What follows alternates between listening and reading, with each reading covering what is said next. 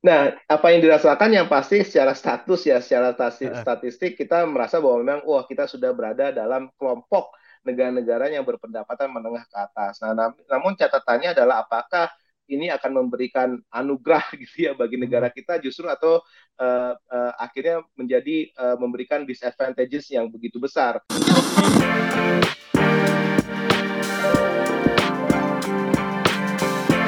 Hai sahabat TCID, kalian sedang mendengarkan podcast Suara Akademia.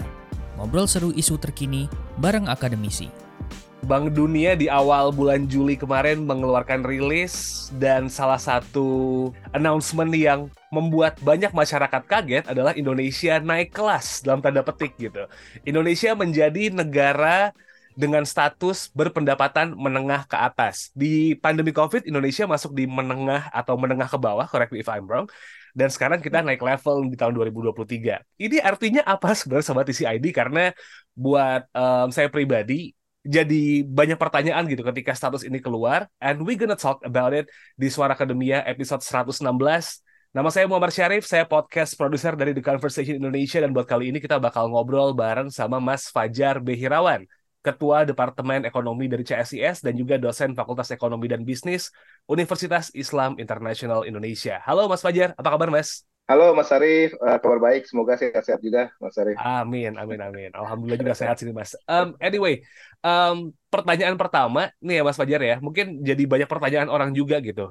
Ketika Bank Dunia merilis informasi tanggal 1 Juli kemarin, itu kan Indonesia naik kelas nih, jadi negara dengan uh, kategori pendapatan yang menengah ke atas. Mungkin bisa dijelasin nih Mas Fajar, gimana sih Bank Dunia tuh mengkategorikan pendapatan sebuah negara gitu? Ya, yang dihitung apa aja sih? Ya, uh, terima kasih Mas Arief. Yang pasti memang ini adalah uh, berita baik sebenarnya ya uh, terkait dengan naik kelasnya Indonesia menjadi negara berpendapatan menengah ke atas yang sebelumnya betul uh, da dari uh, negara yang berpendapatan menengah ke bawah. Nah, mungkin kalau ditanya masalah uh, apa sih sebenarnya indikator yang dilihat, yang pasti di sini adalah indikatornya salah satunya adalah terkait dengan gross national income yang memang penghitungannya itu dari GDP dan juga uh, keluar masuknya remittances atau bisa dibilang uh, uh, apa dana yang berasal dari pekerja gitu ya baik yang di dalam maupun di luar negeri. Nah tapi kalau kita bisa lihat yang kedua sorry yang kedua itu terkait dengan masalah special drawing rights uh, deflator ini sebenarnya uh, melihat dari def, uh, inflasi seperti itu. Hmm. Nah kalau dilihat apa yang uh, menjadi capaian Indonesia di tahun 2022 yang lalu, saya rasa ini kan kita pernah mengalaminya juga di era 2019 di mana kita juga sempat sudah naik kelas gitu ya menjadi negara berpendapatan menengah ke atas. Namun karena adanya badai pandemi di 2020 kita akhirnya turun lagi. Jadi memang uh, yang menjadi catatan adalah kita uh, jadi bolak balik aja tuh, tapi tetap aja menjadi negara berpendapatan menengah gitu ya, walaupun sekarang sudah berstatus ber, ber, berpendapatan menengah ke atas. Jadi uh, uh, penghitungan Bank Dunia yang pasti uh, mereka menghitung dari beberapa negara dan lihat tadi dari sisi kinerjanya ya, khususnya di sini kita lihat bagaimana kinerja ekonomi uh, makro gitu ya dari sisi makroekonominya itu apakah mengalami tren peningkatan atau tren uh, kenaikan yang cukup signifikan atau tidak seperti itu Mas uh, Syarif. I see. Ada peningkatan tren tapi kalau misalnya melihat ketimpangan especially mungkin di tahun-tahun pandemi di 2020 2021 ya Mas ya. Itu kan muncul ketimpangan gara-gara layoff lah dan yang lain-lain gitu. Nah, kalau misalnya kita melihat uh, dari sisi ketimpangan ini nih Mas, masuk nggak sih jadi hitungan buat pengkategorian gitu? Ya, memang kalau kita bicara masalah uh, kinerja atau uh, melihat uh, kinerja uh, apa kesejahteraan suatu negara, memang sebenarnya uh, produk domestik bruto atau GDP dan juga gross national income ini bukan menjadi salah satu ukuran yang bisa dibilang uh, sangat representatif lah untuk menjelaskan apakah memang uh, penduduk kita itu memang benar lebih sejahtera atau mungkin dalam hal ini ketimpangannya lebih menurun seperti itu. Nah, kalau misalnya bisa dilihat memang kalau kita bicara secara uh, absolut, kita tahu bahwa memang uh, terjadi peningkatan ya, karena kita tahu sejak uh, semester, uh, sorry, semenjak uh, kuartal kedua tahun 2021, uh, ketika Indonesia sudah membuka uh, uh, aksesnya dalam artian di sini dari uh, lockdown policy ya bisa dibilang itu kan akhirnya uh, uh, aktivitas ekonomi menjadi uh, uh, meningkat gitu ya dan kita tahu bahwa uh, sejak kuartal keempat 2021 uh, kita tahu bahwa perekonomian Indonesia itu uh, cukup stabil di angka lima persenan. Nah, tapi kan pertanyaannya adalah apakah lima persen ini menunjukkan bahwa memang dari sisi kualitas uh, pertumbuhan ekonominya itu juga berdampak pada status kesejahteraan masyarakatnya. Nah, kalau kita bisa lihat dari ketimpangan memang Mas Arief, kita tahu bahwa beberapa uh, bulan yang lalu justru ya di awal tahun 2023 ini kita tahu ada beberapa industri yang bisa dibilang uh, cukup uh, kaget lah ya uh, semua pihak gitu bahwa di industri teknologi uh, baik nasional maupun internasional dan bahkan uh, industri uh, pengolahan uh, kita tahu bahwa terjadi uh, PHK cukup besar gitu ya oh. uh, data dari uh, Kemenaker dan juga data dari BPJS yang mencairkan uh, dana uh, apa pensiunnya atau dana uh, pemberian kerjanya itu uh, cukup meningkat. Jadi saya rasa ini perlu menjadi catatan juga apakah memang uh, predikat menjadi negara berpendapatan menengah ke atas ini sejalan dengan uh, kualitas hidup manusianya. Itu masih menurut saya masih uh, perlu dikaji lebih jauh lagi. Uh, seperti itu Mas Syarif. Oke, okay. Uh, back to the topic kita ngomongin soal rilis tadi soal uh, rilis dari Bank Dunia sudah gitu dan diikuti kayaknya satu dua hari kemudian Kementerian Keuangan juga mengeluarkan rilis. Jadi Indonesia juga mengalami pertumbuhan gross national income gitu per kapita ya sebesar 9,8 persen di tahun 2022. Angka 9 persen jadi lumayan fantastis nih uh, Mas Fajar, especially 2022 yang belum semuanya transisi ke endemi gitu. Ya. Apa ya yang bikin Indonesia jadi naiknya jadi lumayan nih masih tahun 2022 mas? Dan ini ya. impact ke status ini nggak sih? Status jadi berpendapatan menengah ke atas ini nggak sih? Ya sebenarnya tadi kan yang saya sebutkan di awal uh, terkait dengan gross national income ini sebenarnya di sana ada komponen GDP-nya gitu ya. Yang GDP hmm. kita ini uh, apa uh, memang sudah tumbuh di angka kisaran lima persen. Nah pertanyaannya kan apakah lima persen itu uh, uh, apa cukup gitu ya untuk terus bisa mendorong Eh, negara kita uh, syukur-syukur bisa menjadi negara berpendapatan uh, ke atas gitu ya ber, berpendapatan tinggi bukan hanya terjebak dalam berpendapatan menengah seperti itu. Nah saya rasa uh, yang pasti uh, pasti Kementerian Keuangan uh, selalu mengklaim bahwa ini adalah sebuah uh, uh, pencapaian uh, akibat memang pengelolaan uh, apa keuangan atau pengelolaan ekonomi di kala pandemi itu cukup berhasil karena memang saya rasa yang harus digarisbawahi di sini adalah bagaimana kita bisa menjaga stabilitas harga dan juga stabilitas uh, daya beli masyarakat. Nah, nah, hmm. saya rasa di situlah sebenarnya kunci uh, kenapa Indonesia bisa uh, tumbuh uh, cukup stabil ya di angka 5%, walaupun sebenarnya saya maunya lebih dari itu, karena kita cita-citanya kan di tahun 2045 itu menjadi negara yang uh, bisa dibilang uh, top 5 gitu dari sisi uh, size ekonominya.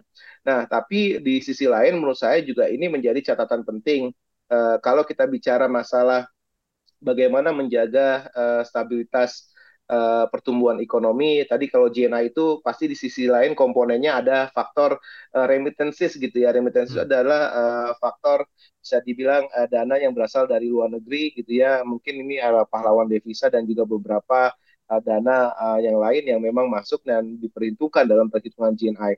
Nah, saya rasa ini menjadi momentum kalau misalnya memang pemerintah ataupun semua pihak yang berkepentingan uh, uh, untuk mendorong pertumbuhan ekonomi kita lebih uh, tinggi lagi, saya rasa ini harus tetap dijaga. Namun pastinya uh, ada PR-PR yang pasti uh, harus di uh, apa terus dijaga uh, uh, konsistensinya, khususnya dalam hal ini ada reformasi uh, struktural ya dan juga terkait dengan masalah reformasi birokrasi yang saya rasa ini juga menjadi faktor penting untuk mendorong pertumbuhan ekonomi yang lebih uh, tinggi lagi ke depannya. PR-nya masih banyak artinya dengan uh, pertumbuhan yang ada sekarang nih, uh, Mas Fajar gitu.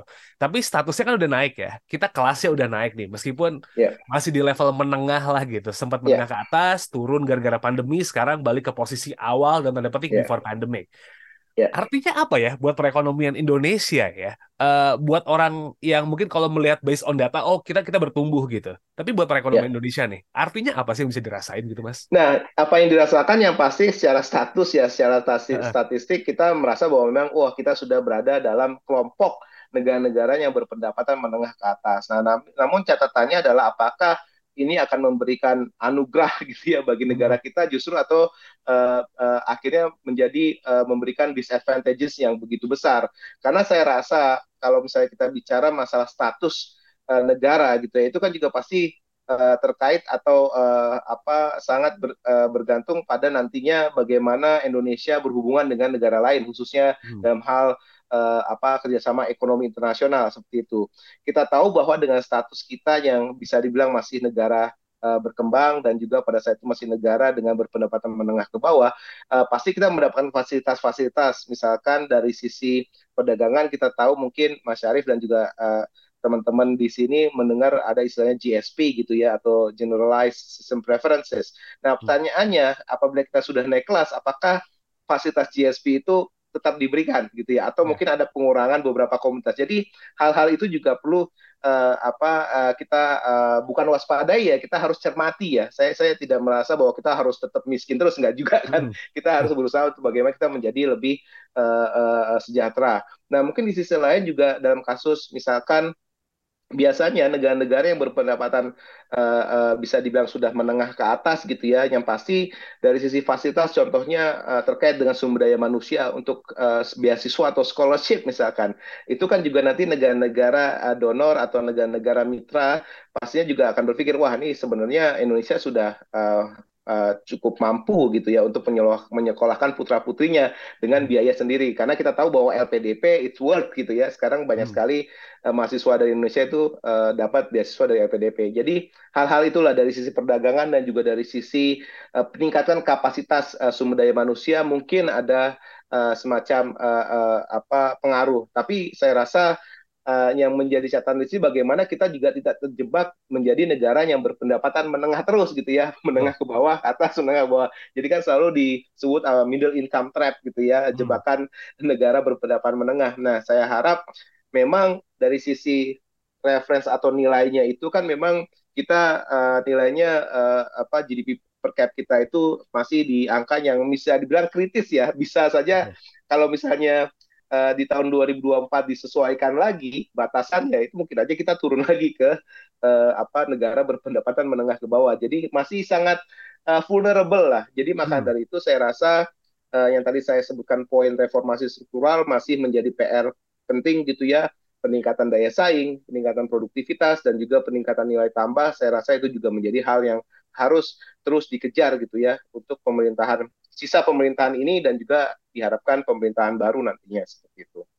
Oke, tadi dalam perdagangan dan juga um, apa ya pemberian dana oleh donor yeah, untuk SDM betul. menjadi yeah. poin tuh gitu Mas Fajar. Ketika kita naik ke pendapatan menengah atas, meskipun kita nih kayak kalau dilihat statusnya kayak mahasiswa yang lulus kumlot tapi 3,52 IPK-nya kan kurang lebih kayak gitu tuh. Yeah. Ada lagi nggak impact-impact yang mungkin timbul dengan naiknya status sekarang nih Mas?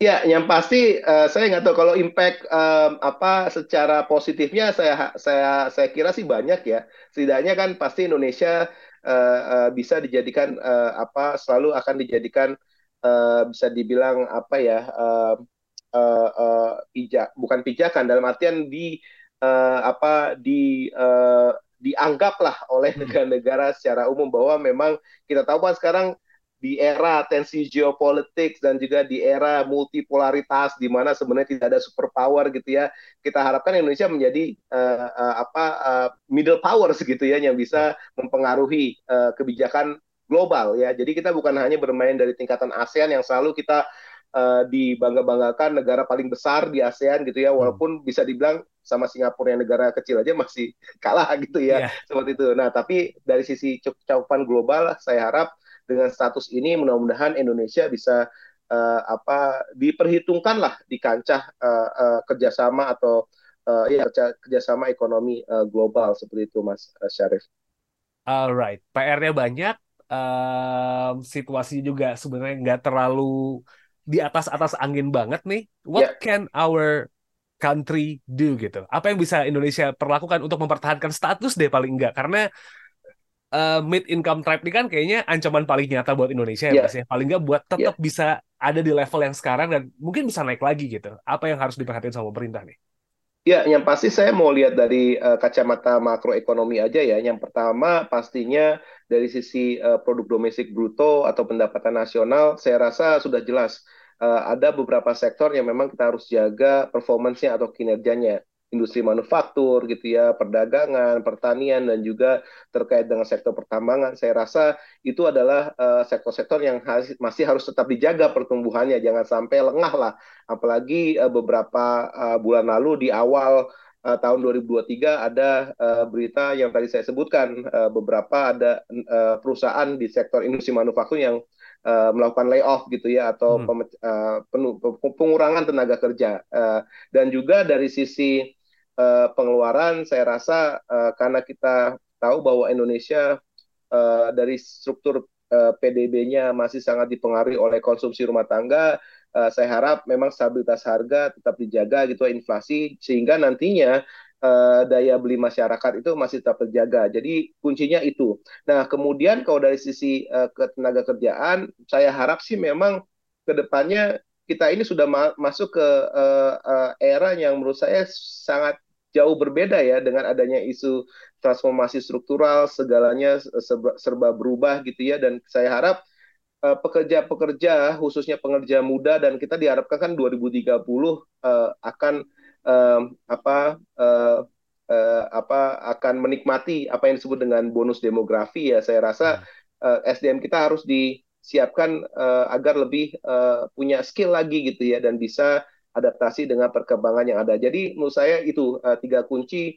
Yang pertama uh, PDB harus tetap dijaga. Kalau bisa jangan uh, stagnan di angka 5% pertumbuhan ekonominya harus bisa lebih dari itu. Yang kedua uh, stabilitas harga saya rasa sekarang juga sudah baik ya uh, kerjasama Bank Indonesia dengan Kementerian Dalam Negeri dan juga pemerintah daerah untuk menjaga harga-harga di daerah gitu ya.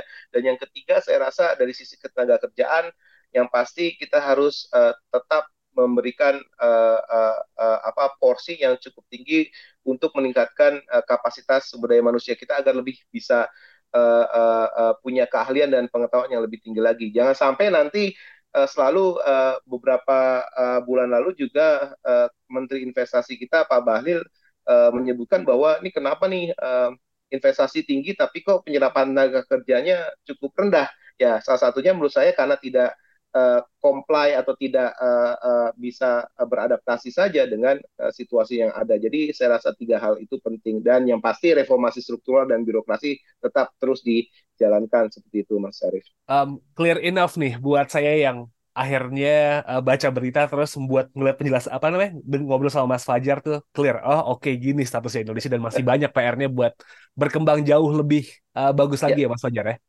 betul Mas Syarif Alright, kalau begitu thank you so much Mas Fajar Hirawan, Ketua Departemen Ekonomi CSIS dan dosen Fakultas Ekonomi dan Bisnis Universitas Islam Internasional Indonesia buat ngobrol kali ini. Anyway, CSIS lagi ada sibuk apa nih Mas Fajar? Ya, kita lagi siapin banyak banyak hal-hal yang terkait dengan uh, menyongsong pemilu ya. Nanti mungkin the conversation juga bisa join. Kita banyak acara-acara yang pasti mungkin debat capres atau debat tim capres untuk membahas tentang ekonomi-ekonomi uh, ke depan seperti itu. Pengen tahu lah platform ekonomi mereka seperti apa. Jadi akan disibukkan dengan itu sih sebenarnya menyongsong pemilu 2024. Oke, okay. buat update-nya langsung aja cek CSCS Indonesia itu ada di Instagram ya Mas Fajar ya. Betul, betul di Instagram, di Twitter ya bisa cek di sosial media juga. Mudah-mudahan okay. The Conversation juga bisa kolaborasi lah kita ke depannya. Oke, okay. hopefully kita bisa kerjasama ya. Atau cek aja cscs.or.id, sahabat ID. Oke, okay? kalau begitu sudah selesai buat episode kali ini. Terima kasih sudah mendengarkan. Don't forget to check our website theconversation.com/id dan juga follow sosial media kami di @conversationidn. Thank you so much Mas Fajar. Thank you so much Sobat Isi ID. Kita ketemu lagi di next episode. Wassalamualaikum. Kalian telah mendengarkan podcast Suara Akademia, ngobrol seru isu terkini bareng akademisi.